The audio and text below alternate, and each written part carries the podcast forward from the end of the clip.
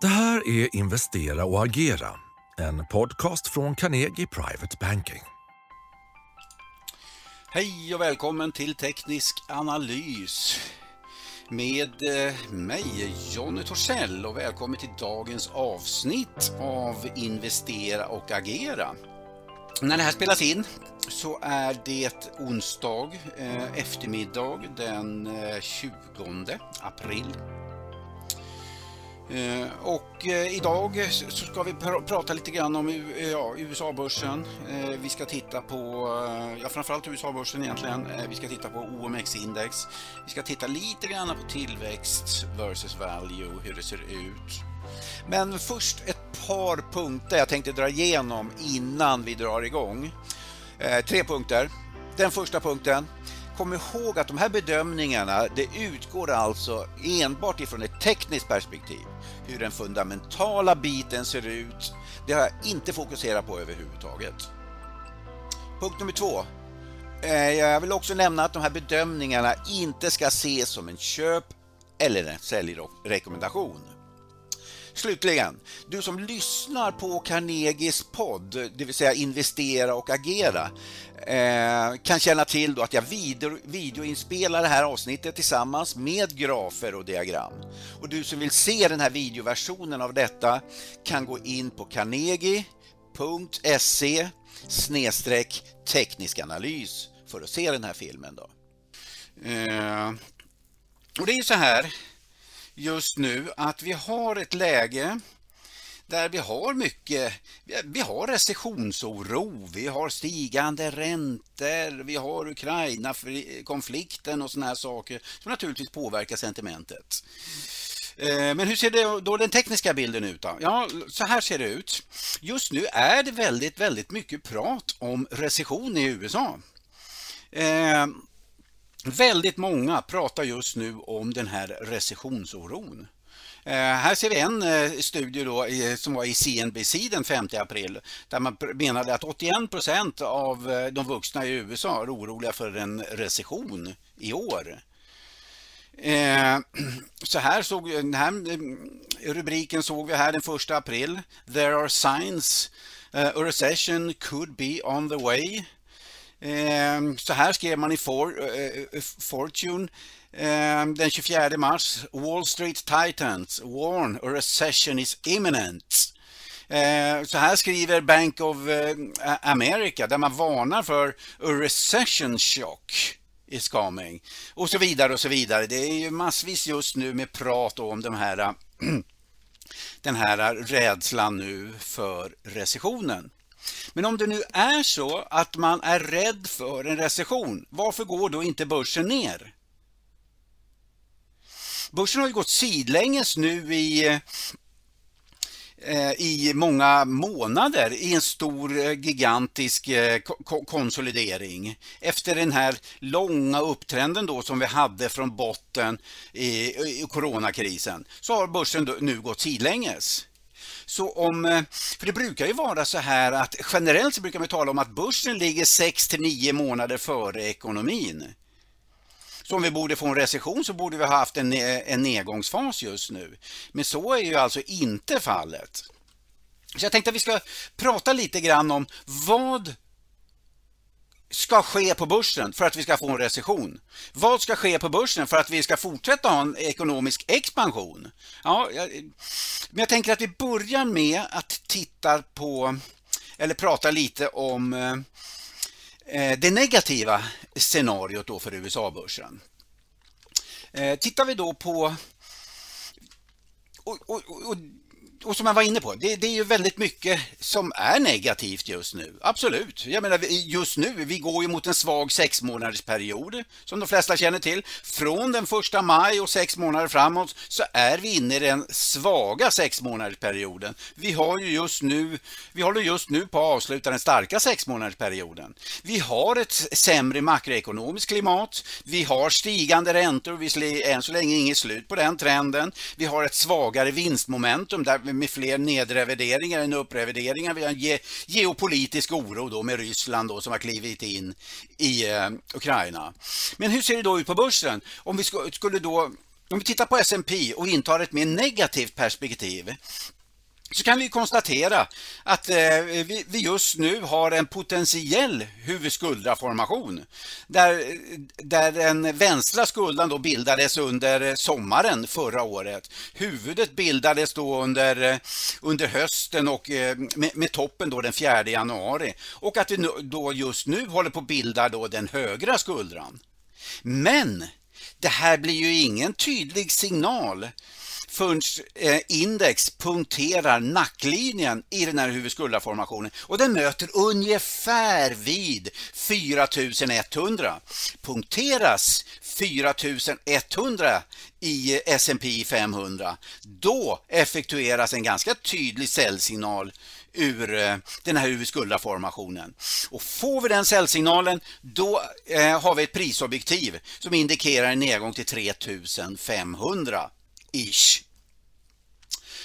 Eh, om vi får den här signalen då tror jag att vi kommer att få en, eh, en svagare eh, ekonomi. Då, då ökar risken för att vi, går, att vi kommer att få en recession då på USA-börsen.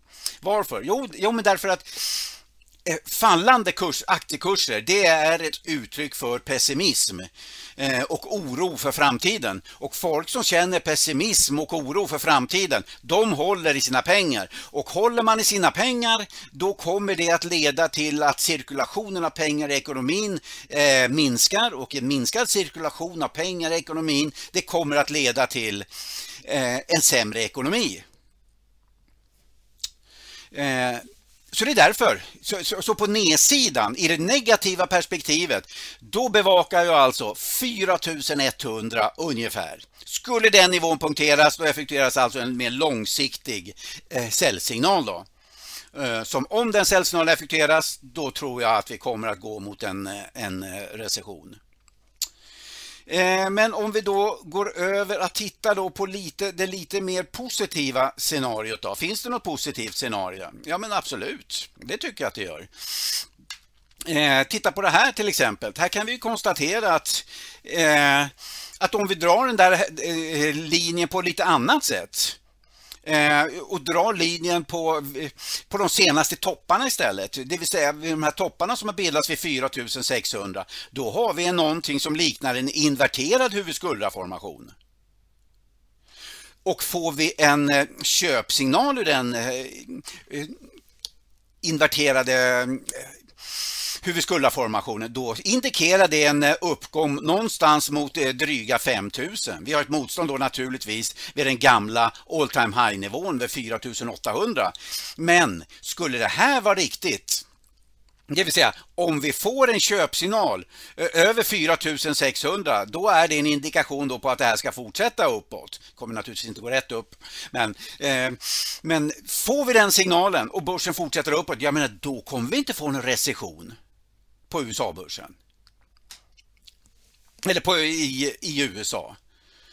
Eh, så att just nu så befinner vi oss eh, i ett ingenmansland mellan eh, den här viktiga stödnivån vid ungefär 4100 och motståndet över 4600. Så all rörelse däremellan, då befinner vi oss i någon typ av ingenmansland. Skulle det bryta igenom 4600 då ökar sannolikheten för att vi kommer få en uppgång eh, till den gamla all time high nivån 4800 med prisobjektivet ungefär vid 5000 och då kommer det alltså, tror jag då, att vi kommer att börja få lite mer positiv ekonomisk statistik. Skulle det här istället då bryta ut på nedsidan under 4100 så småningom, jag menar då, är, då får vi en mer långsiktig säljsignal. Och då går jag in, eh, då, då får vi ett mer eh, negativt scenario för börsen. Och för ekonomin. Men vad är då sannolikheten här nu då? Är det så här att att sannolikheterna är störst för att det här kommer att bryta ut på nedsidan därför att det här är så, eh, vi har så mycket negativa nyheter som vi pratade om då med, med, med mm, signaler om att ekonomin försvagas och försvagat vinstmomentum och så vidare och geopolitisk oro, stigande räntor, inflation och all, alla de här sakerna då. Ja men jag tänker så här Ja men absolut, det är negativt, självklart. Men hur reagerar USA-börsen? Ja, men den, går, den går ju inte ner, den har gått sidlänges. Och det är ju väldigt positivt. Går det inte ner när det borde gå ner, då sänder ju det signaler om att det, att det råder en, eh, någon typ av optimism någonstans. Tittar vi på Ehm, en sentimentsindikator som jag ibland brukar följa som heter American Association of Individual Investors. Eh, det brukar förkortas AAII. Så kan vi konstatera nu i den senaste mätningen här att vi hade nästan eh, ungefär 16 procent optimister. Eh, samtidigt så var 48 procent pessimistiska. Det här gjorde då att vi hade en bull bear spread på 0,33 det vill säga eh, 15,8 delat med 48,4 blir 0,33 och det här är den längsta lägsta nivån sedan i april 2013 och låga och när de flesta är pessimistiska då vet vi ju har jag skrivit om i böcker och sådär att börsen har en tendens att utvecklas bättre. Eh, tittar vi här eh, på den här bilden så ser vi ju eh, här uppe då de gröna, det gröna histogrammet här. Det visar ju då hur många då som är optimistiska till framtiden. Eh, och det ser vi här då den senaste mätningen 15,8 procent som vi pratar om. Den röda här staplarna här, de, den visar då hur många som är pessimistiska och de var ju då som vi pratar om 48,4. Och eh, 15,8 delat med 48,4 är då 0,33 och det här eh, indikatorn längst ner då, den visar då bull bear spreaden då. Och den här är alltså just nu den lägsta nivån sedan 2013. Och Det här är ju väldigt intressant. Tittar vi då på de senaste tillfällena när vi haft sådana här låga nivåer klart under ett här, eh, här borta till exempel 2016, så kan vi ju konstatera att det här var ett väldigt bra köpläge inför den här rörelsen upp. Här hade vi också ett sådant läge när vi hade riktigt låga nivåer. Eh, ledde till den här rörelsen. Samma sak här hade vi eh, låga nivåer ledde till den här rörelsen. Här hade vi ett sånt läge också, ledde till den här rörelsen. Här hade vi ett sånt läge efter en sidlänges rörelse här där vi fick en stark rörelse på uppsidan. Efter den här nedgången då, under eh, det, det, det, sista kvartalet då, 2018 så var de flesta pessimistiska och titta här vilket, eh, vilket läge. Samma sak här, var också ett bra, ganska bra köpläge under de kommande månaderna.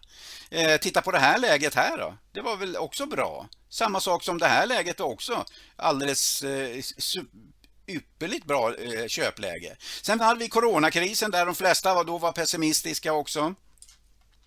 Eh, här borta hade vi ett läge där de, eh, de flesta var pessimistiska. Eh, samma sak eh, här. Och nu har vi alltså ett av de lägsta eh, värdena då sedan 2013. Så absolut, visst finns det eh, möjligheter då för att börsen kan eh, gå upp. Absolut gör det det. Så att eh, det viktigaste som jag tar med mig när det gäller då USA-börsen det är alltså 4100 på nedsidan är en väldigt viktig nivå.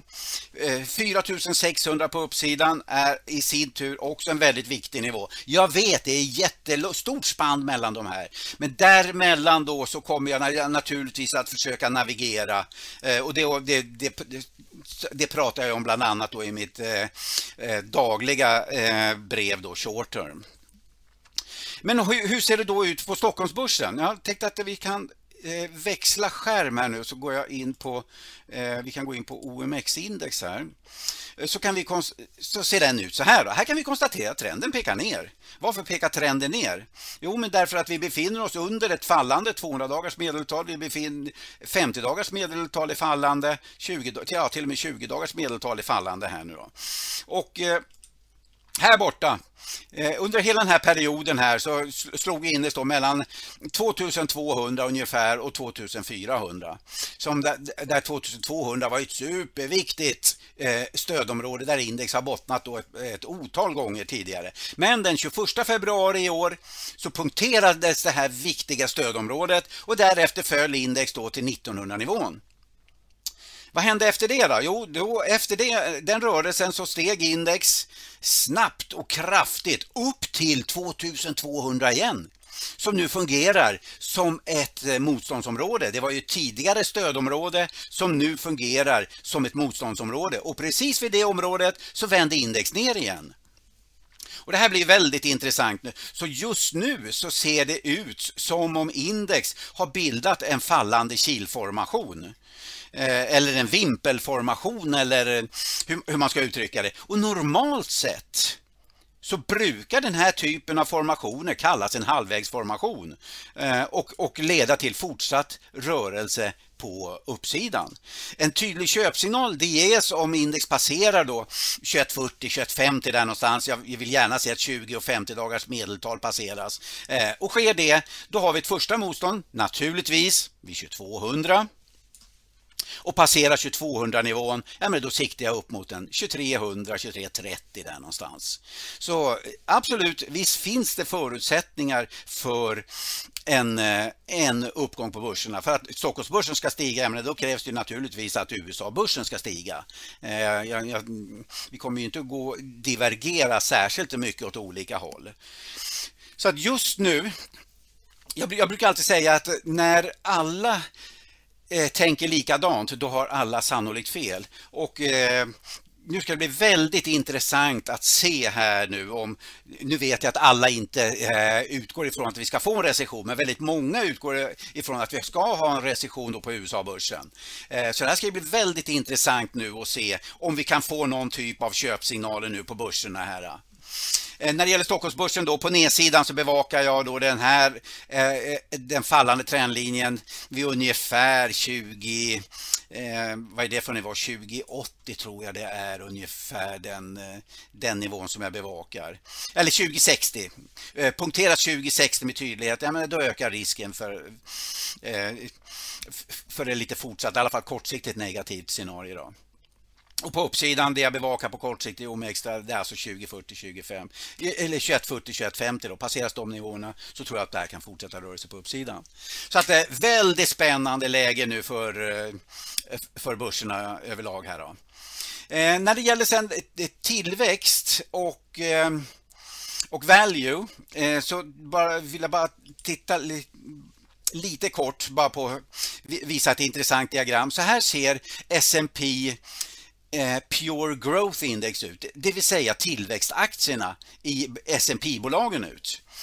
Eh, här borta kunde vi se då att vi befann oss, här borta hade vi en uppåtgående trend och sen gick det sidlänges i en konsolidering och sen bröt det ut och sen fick vi en uppgång. Efter den uppgången gick vi in i en konsolidering eh, och sen bröt det ut eh, här och sen fick vi en uppgång. Eh, här har den eh, tillväxtaktierna, ja, sen egentligen sen toppen i november så har tillväxt utvecklats ganska svagt som vi kan se. Eh, vi befinner oss under 200 dagars medeltal eh, som vi ser i grönt här. Eh, 50 dagars medeltal i rött här. Och så länge vi befinner oss under 200 dagar så är det en indikation på att vi har någon typ av nedtrend. Men vi kan ju konstatera ändå att i den här nedåtgående trenden så har vi ändå bildat någon typ av konsolidering. Ehm, så här. Ehm, skulle det här bryta ut på uppsidan av den här konsolideringen här, då får vi en ganska intressant köpsignal. Eh, det, och då skulle vi få en köpsignal i någonting som liknar en eh, inverterad huvudskuldaformation. Ungefär som vi tittade på när det gällde S&P 500. Så det här ska ju bli väldigt intressant att se. Men just nu så har vi konsolidering i tillväxt. Jag har ju tidigare pratat om att, att, eh, att value har varit betydligt mycket starkare än, eh, än tillväxt och det har det varit under ganska många månader. Så här ser till exempel valuebolagen ut. Eh, vi kan titta då på S&P value. Eh, det är en enorm skillnad på de här två charten som vi kan se. Den här är uppe nu på all time high nivåer. Här borta fick vi ju en köpsignal. Eh, här gick jag ut och sa att nu, nu har vi tydliga signaler på att det är value som ska leda det här. Och det fick vi då i början på januari här någonstans. Men sen dess har det väl gått ganska trögt eh, tycker jag. Det har gått in i en konsolidering. Men ändå, vi befinner oss i en uppåtgående trend. Vi ser 20 dagars medeltal pekar upp, 50 dagars pekar upp, 200 dagars pekar upp och index noteras över alla de här eh, index, medeltalen just nu. Så att den här ser ju fortfarande väldigt stark ut. Nu ska det bli väldigt intressant nu att se eh, vad som ska hända. Kan tillväxt börja ta över och effektuera den här köpsignalen huvudskuldaformationen. Det skulle ju vara en stark signal då för att USA-börsen ska upp då och notera nya eh, högsta nivåer.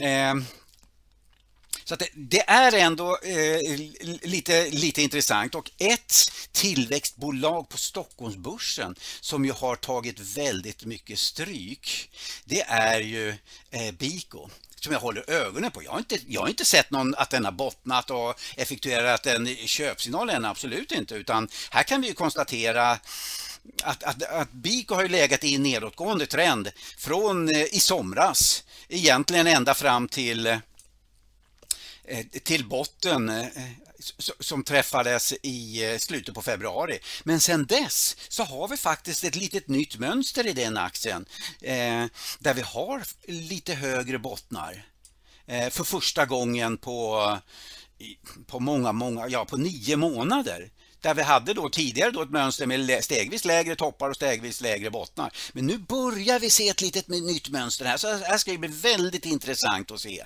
Skulle vi börja få lite, lite styrkesignaler på tillväxt i USA, jag menar, då kan vi räkna med att BIK och sannolikt kommer att eh, passera sitt motstånd. Den har ett motståndområde här vid 200 spänn. Eh, och passerar den den så effektueras en köpsignal med prisobjektiv upp någonstans mot en 250 till 270 spänn där någonstans skulle jag säga. Kanske ända upp till 300 300 med lite tur. Om, om vi får lite styrka i marknaden. Så det är i alla fall någonting att hålla ögonen på. Eh, sen, det, sen tycker jag, det, kontakta din mäklare, din rådgivare eh, för fler aktiecase då, så vi kan tycka sig lite intressanta just nu. Då, då.